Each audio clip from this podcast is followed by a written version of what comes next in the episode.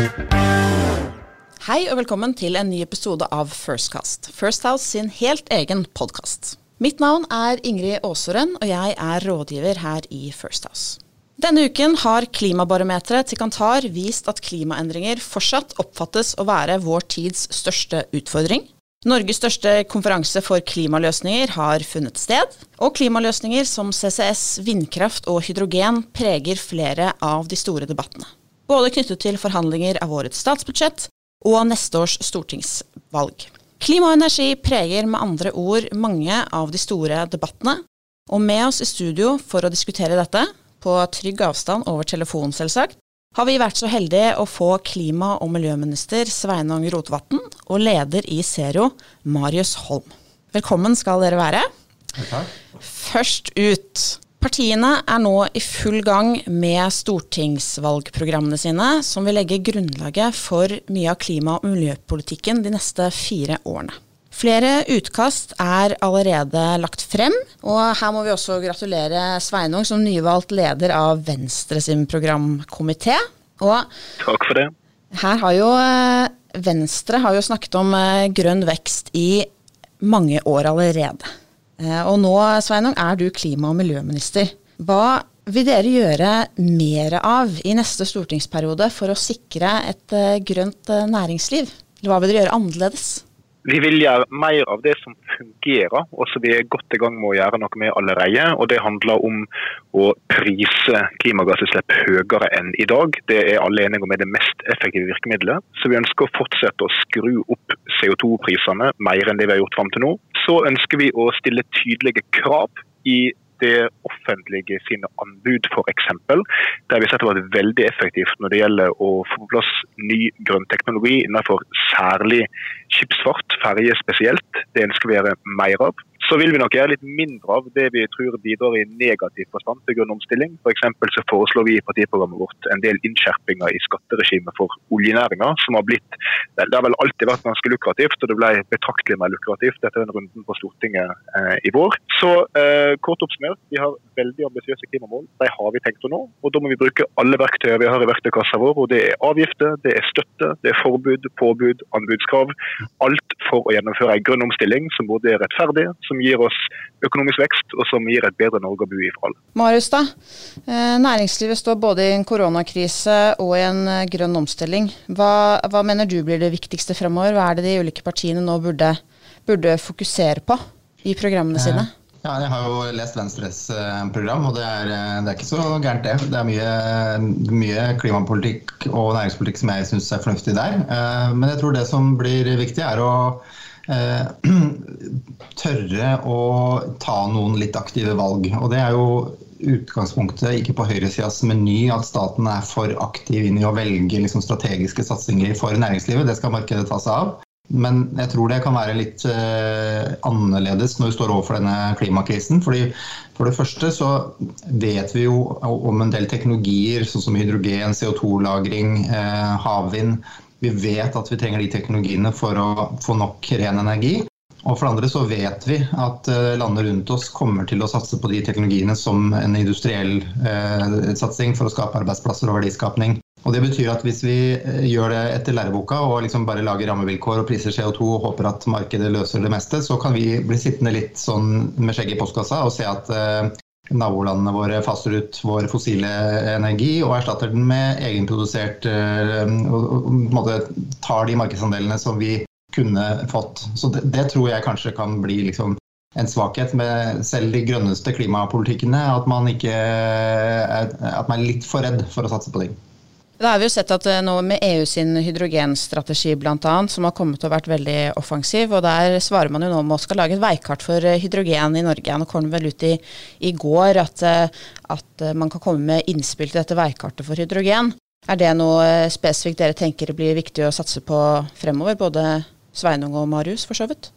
Sveinung først. Ja, altså, jeg kan, ja, jeg kan jo, Det syns jeg jo åpenbart er viktig å satse på, i og med at det er regjeringa sitt veikart vi, vi snakker om her. Um, og hydrogen er absolutt uh, en nøkkelbrikke i det grønne skiftet som vi skal gjennomføre. Og Det ser en jo også at regjeringa satser på når vi uh, tar konkrete beslutninger. Altså F.eks. Uh, når vi nå nettopp lyste ut et digert uh, ferjesamband oppe i Vestfjorden der, Bodø-Moskenes. Det er langt, det er værhardt. Uh, batteri er neppe en veldig god løsning der. Så valgte vi å sette krav om hydrogen. Eh, og Det kommer til å bli veldig viktig både for å få opp en infrastruktur i det området, for å få produksjonen opp og gå. Og Den typen krav eh, er vi nå villige til å stille fremover for å få opp produksjonen. Eh, og så er det jo ikke slik at det er motsetning mellom det EU gjør og det vi gjør. Tvert imot så jobber vi jo sammen om det her. Så når f.eks. det for et par uker siden ble annonsert at nå får vi nye frakteskip som skal gå opp og ned langs vestlandskysten på hydrogen, så var jo det et prosjekt som fikk støtte både fra EU og for den norske stat. Fordi vi deltar i disse programmene, og vi er enige om at hydrogen skal prioriteres. Ja, det er, det er, akkurat sånn type grep som jeg tror er, fornuftig i klimapolitikken. Fordi man får i, gang, eh, får i gang ny teknologi. Selv om den er fryktelig dyr i begynnelsen, så kommer man i gang. Og Det, det er liksom interessant, fordi vanligvis så snakker vi om, når vi snakker om klimapolitikk, så snakker vi om å gradvis øke CO2-prisen. Eh, men egentlig sånn, så kunne vi tenkt liksom motsatt, fordi tiltakene er som regel dyrest i begynnelsen. Så egentlig skulle vi begynt med skyhøy CO2-avgift nå, så kunne vi nesten trappa den ned etter hvert som teknologiene ble mer konkurransedyktige. Men siden, siden det neppe er realistisk, da, så er det jo den kombinasjonen av å stille krav og øke avgiftene gradvis som er fornuftig. At man tvinger fram de eh, løsningene som i utgangspunktet liksom, synes å være høythengende frukt, sånn som hydrogenlasteskip f.eks. Og jeg tenker jo at det, som skipsfartsnasjon så burde vi jo lede an i dette nye skiftet i maritim sektor globalt. Vi har vært med fra seil til damp og fra damp til olje, og nå bør vi lede an i skiftet fra olje til hydrogen eller ammoniakk. Og da tenker jeg at vi, Det neste skrittet nå bør være at vi begynner å se på å bygge infrastruktur for um, for uh, utslippsfrie energiløsninger, altså hydrogen og ammoniakk, også i utenlandske havner. At vi begynner å, uh, begynner å konvertere den deler av utenriksflåten vår også. At ikke vi bare tenker at dette er noe vi skal drive med langs kysten. Ja, og Marius, Norges største konferanse om klimaløsninger, Zero-konferansen, skulle jo gått av stabelen denne uken, men, eh, men, kvelden før så fikk dere beskjed om at uh, her måtte man gå bort fra alle de digitale sendingene som var, uh, var planlagt. Og jeg må jo si at Zero har jo snudd seg rundt i en helt imponerende fart og laget et alternativ, og jeg tror det er veldig mange som er imponerte, og selvfølgelig også veldig mange som egentlig skulle vært på konferansen i utgangspunktet, sånn som, plan, som, som, som regel er. Mm. men Vanskelig å oppsummere et par dager med noen få ord, men uh, hva er det viktigste budskapet som du tenker at uh, du ønsker at folk skulle sittet igjen med uh, fra årets konferanse? Ja, jeg, det er nesten, nesten jeg vil gjenta litt det Sveinung sa i begynnelsen her. fordi Det handler om å gjøre mye det samme som vi gjør, bare med mye, mye større kraft. Fordi norsk klimapolitikk er egentlig ganske bra. Vi eh, leder an på elektrifisering av både, både personbil og ferjer. Vi har, eh, bygger en verdikjede for CO2-fangst og -lagring. Og vi har mye gode virkemidler for å komme i gang med utslippstiltak i industrien. Mye, det er egentlig veldig mye bra. Eh, men så er det jo sånn at eh, det finnes veldig mange land i verden som, verken, eller som enten ikke har råd til å drive med klimapolitikk, eller har litt manglende vilje. Så vi trenger å la, gjøre grep som måte, globaliserer de klimaløsningene. Vi trenger å få de ut i verden. Eh, så jeg tenker at det, det som er mitt, mitt hovedbudskap, som jeg, jeg, egentlig hadde tenkt å få ut på selvkonferansen, det vil være at vi må gange alt vi gjør med tid ved å ta det ut i verden. Og Det er eh, både teknologi, det er selskaper og det er kapital som vi kan ta med ut i verden og få eh, f.eks. å fremskynde utfasingen av kullkraft i u-land og vekstøkonomier, som, eh, som jeg vet du også har hatt et hjerte for i din tidligere jobb, Ingrid. det stemmer. Um, så her også så kommer det jo flere planer fremover for hvordan vi skal uh, satse på dette. Blant annet så skal jo klimaplanen den ligger ved at skal legges fram nå i desember, og, og Klimakur skal stå for mye av faktagrunnlaget her. Og Klimakur, helt kort, var jo en slags bruksanvisning, kan man kanskje kalle det, for hvordan vi skal nå klimamålene. Og der utredet man jo, utredet jo ulike tiltak og, og, virkemidler som kunne gi da 50% kutt i eh, ikke-kvotepliktige utslipp. Og eh, Sveinung, sånn, hvis man skal forklare det litt kort, hva er Klimaplan 2030? Klimaplan 2030 det er en helt logisk følge av eh, den viktigste klimabeslutninga vi har tatt i Norge de siste ti åra. Den beslutninga var at Norge skal bli en integrert del av EUs klimapolitikk. Ikke bare for måte industrien, det som er kvotepliktig sektor, men også for resten av klimapolitikken i ikke-kvotepliktig sektor. Den beslutninga som ble tatt for noen år tilbake, den gjør at vi nå for første gang får bindende klimamål og klimabudsjett som vi må nå, som det ikke er frivillig å nå. Og Det er grunnleggende fornuftig politikk. Jeg er glad regjeringa har gjort det. Eh, den naturlige følgen av det er at vi må ha en plan for hvordan vi får det til. Eh, da er jo Klimakur, som du sier, eh, en ja, du kalte det bruksanvisning, jeg vil si mer en meny, kanskje, med forslag til hva en kan gjøre for å klare de ambisiøse målene. Eh, og Så kommer klimaplanen nå, og det er da regjeringa sitt forslag. Så Vi baserer oss på Klimakur, det er veldig grundig fagutgreiing. Men vi driver jo nå med politiske diskusjoner innad i regjeringa mellom departement og statsråder om hva tiltak skal vi sette i gang i transportsektoren, innenfor jordbruket, innenfor eh, energi, innenfor skipsfart etc. etc. de neste ti åra for å nå klimamålene våre. Så Det vi skal presentere i den stortingsmeldinga når den er klar, er rett og slett regjeringa plan for Norge de neste ti åra. Hva skal vi gjøre når for å kutte utslippene tilstrekkelig. Og Det blir et kjempeviktig dokument. og jeg kan jo si, og være ærlig nok på å si at Det er en krevende jobb å få det her til å gå i hop og sy det sammen. Det er mange interesser, men vi skal komme i mål. Eh, og Jeg gleder meg til å bli ferdig og legge den fram. Og så håper jeg jo selvfølgelig at Stortinget vil slutte opp om det. Mm. I... Det, blir jo, det, blir jo, kanskje det vanskeligste, gjør det ikke det? Altså få dette det, For nå har vel egentlig den vanskeligste politiske jobben blitt flytta ut av regjeringen og inn i Stortinget, er det ikke sånn, Sveinung? Jo, del vi er en mindretallsregjering, det, det, er helt riktig. Um, det som er litt krevende på Stortinget, er jo at altså, alle partier på Stortinget har en klimapolitikk. De har bare en veldig ulik klimapolitikk, eh, og til dels en motstridende klimapolitikk. Så vi må forsøke å få et flertall her til å samle seg om noe som kan gå i hop, eh, og som kan gi resultat. Men jeg er for optimist på at vi skal klare det. og det er klart Nå har vi stramma til klimapolitikken relativt kraftig i sak etter sak, budsjett etter budsjett i flere år. Så vi, vi, kommer i mål. Vi klarer det. Uh, men det som er nytt med dette her er jo at nå, nå skal vi liksom ikke se på et enkeltforslag. Vi skal se på alt i sammenheng. Og summen må bli at vi kommer i mål. Og det er jo det vesentlige. Fordi klimapolitikk er ikke sånn at en enkelt sektor eller ett enkelt tiltak kan løse alt for oss, og så kan resten slippe unna. Det, det kommer ikke til å funke. Alle må gjøre ganske mye, og så må summen bli nok. Og det er målet med det arbeidet her. Og I Klimakur så var det jo var det mange som eh, påpekte at det var et veldig stort fokus på elektrifisering. Eh, da kan man forvente et, da et like, like, stort fokus på elektrifisering i klimaplanen? Ja, du kan forvente et stort fokus på elektrifisering. ganske enkelt fordi at transportsektoren særlig er en veldig stor del av utslippene i ikke-kvotepliktig sektor.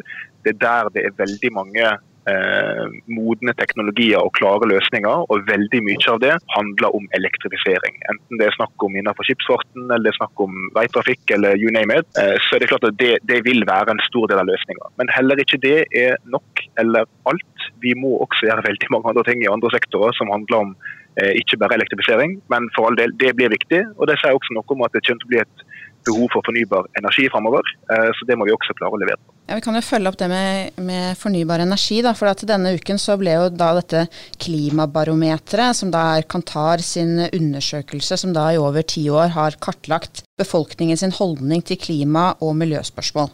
Og der er klimaendringer fortsatt på topp over det folk mener er vår tids største utfordring. Men samtidig så ser vi at eh, aldri før har så mange vært negative til eh, vindkraft på land. Eh, og det er også en dipp for vindkraft til havs. Og I samme undersøkelse, så når man skal liste opp hva folk mener regjeringen bør gjøre eh, for å satse mer på klima, så er eh, kollektivtransport eh, på topp, men hakk i hæl så følger det at man skal legge til rette for mer fornybar energi. Eh, og det kan man jo si at kanskje ikke mm, henger helt sammen. men eh, hvordan har vi havnet her, dere? Eh, hva, hvem, hvem, kan nå gjøre noe med det? Og står vi overfor noen drastiske veivalg her fremover? Hvis vi både skal Du sier fokus på elektrifisering gjennom klimaplanen. Vi skal ha grønn industri som trenger eh, lave kraftpriser fra fornybar energi. Men samtidig ikke, er det mange som ikke vil bygge ut mer vindkraft. Hva gjør vi? Importere strøm fra Sverige. Ja, det er det vi kommer til å gjøre hvis ikke vi bygger ut uh, noen ting. Fordi svenskene bygger ut, og det er det samme markedet.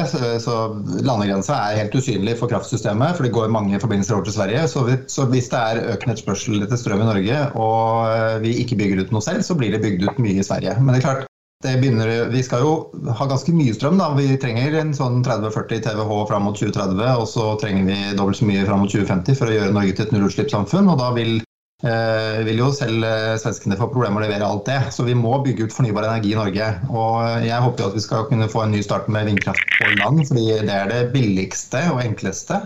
Eh, at vi får en ny start der hvor vi lager løsninger som gjør at noen kommuner velger å ønske seg vindkraft. Eh, det tror jeg er nødvendig for at vi skal få til. Noen må ønske seg å få det til sin kommune. Men hvis vi får til det, så eh, vil vi få vindkraft på land eh, fortsatt fram mot 2030. Og det andre er selvfølgelig havvind, som jeg mener vi burde bygge ut i stor skala. Nå kommer det mange prosjekter framover som blir lansert, som sannsynligvis kan bli bygd ut fram mot 2030. Og vi må sørge for at de blir realisert. Det er, for det er liksom Ok, Havvind er, dyr, er, dyrt i forhold til det norske kraftmarkedet, men vi vet at vi trenger strømmen, og vi kan ikke vente til liksom, dette løser seg av seg selv. Vi skal elektrifisere norske samfunnet de neste ti årene i veldig stor grad, og vi skal ha nye arbeidsplasser. Vi skal sysselsette tusenvis av mennesker som skal gjøre noe annet enn de gjorde før, som sannsynligvis også trenger strøm. Med andre ord, vi bør få bygd ut havvind. Vi må lage virkemidler som gjør at det blir bygd ut havvind. Altså, jeg bruker å si at jeg er for å bygge ut vindkraft, bortsett fra der jeg er imot. Eh, og Det er sagt litt på spøk, men det er også ganske mye på alvor. Fordi jeg synes det å være prinsipielt for eller mot å bygge ut vannkraft, vindkraft, vindkraft på land, er helt meningsløst. Eh, fordi Dette er jo ikke et prinsipielt spørsmål, det er et praktisk spørsmål.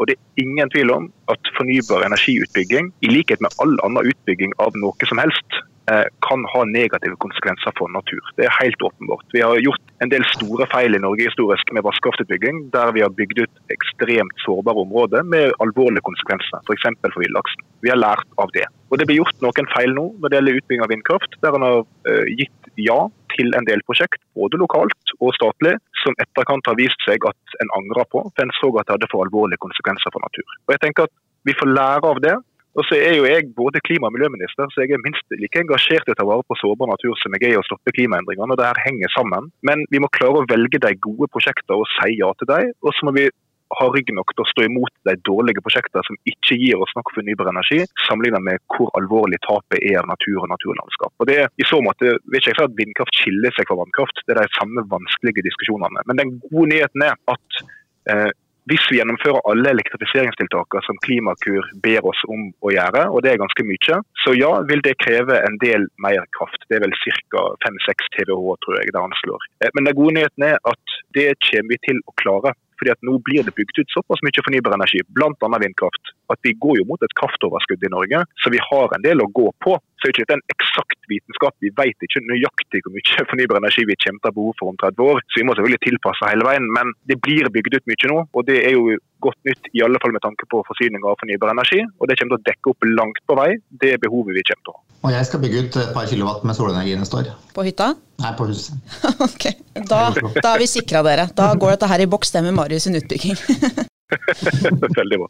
Um, nei, dette blir store utfordringer framover. Det kommer jo stadig nye analyser også som prøver å finne ut hva kraftbehovet skal være fremover. Så den debatten der kommer nok til å fortsette. Men uh, vi må begynne å nærme oss en uh, avslutning her. Men jeg tenker et par spørsmål til dere begge på slutten er som sagt, dette klimabarometeret viser at klimaendringer er vår, største, vår tids største utfordring. Folk har store forventninger til hva næringslivet skal stille opp med, men, eh, ikke, men mange mener at næringslivet bør gjøre enda mer. Eh, hva tenker dere er de hva, Hvis dere skulle gitt et tips til hva næringslivet bør lese ut av disse tallene fra klimabarometeret, hva ville det vært?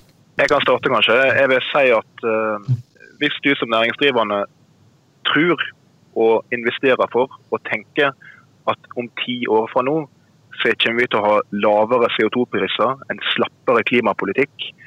Da eh, er du ganske modig.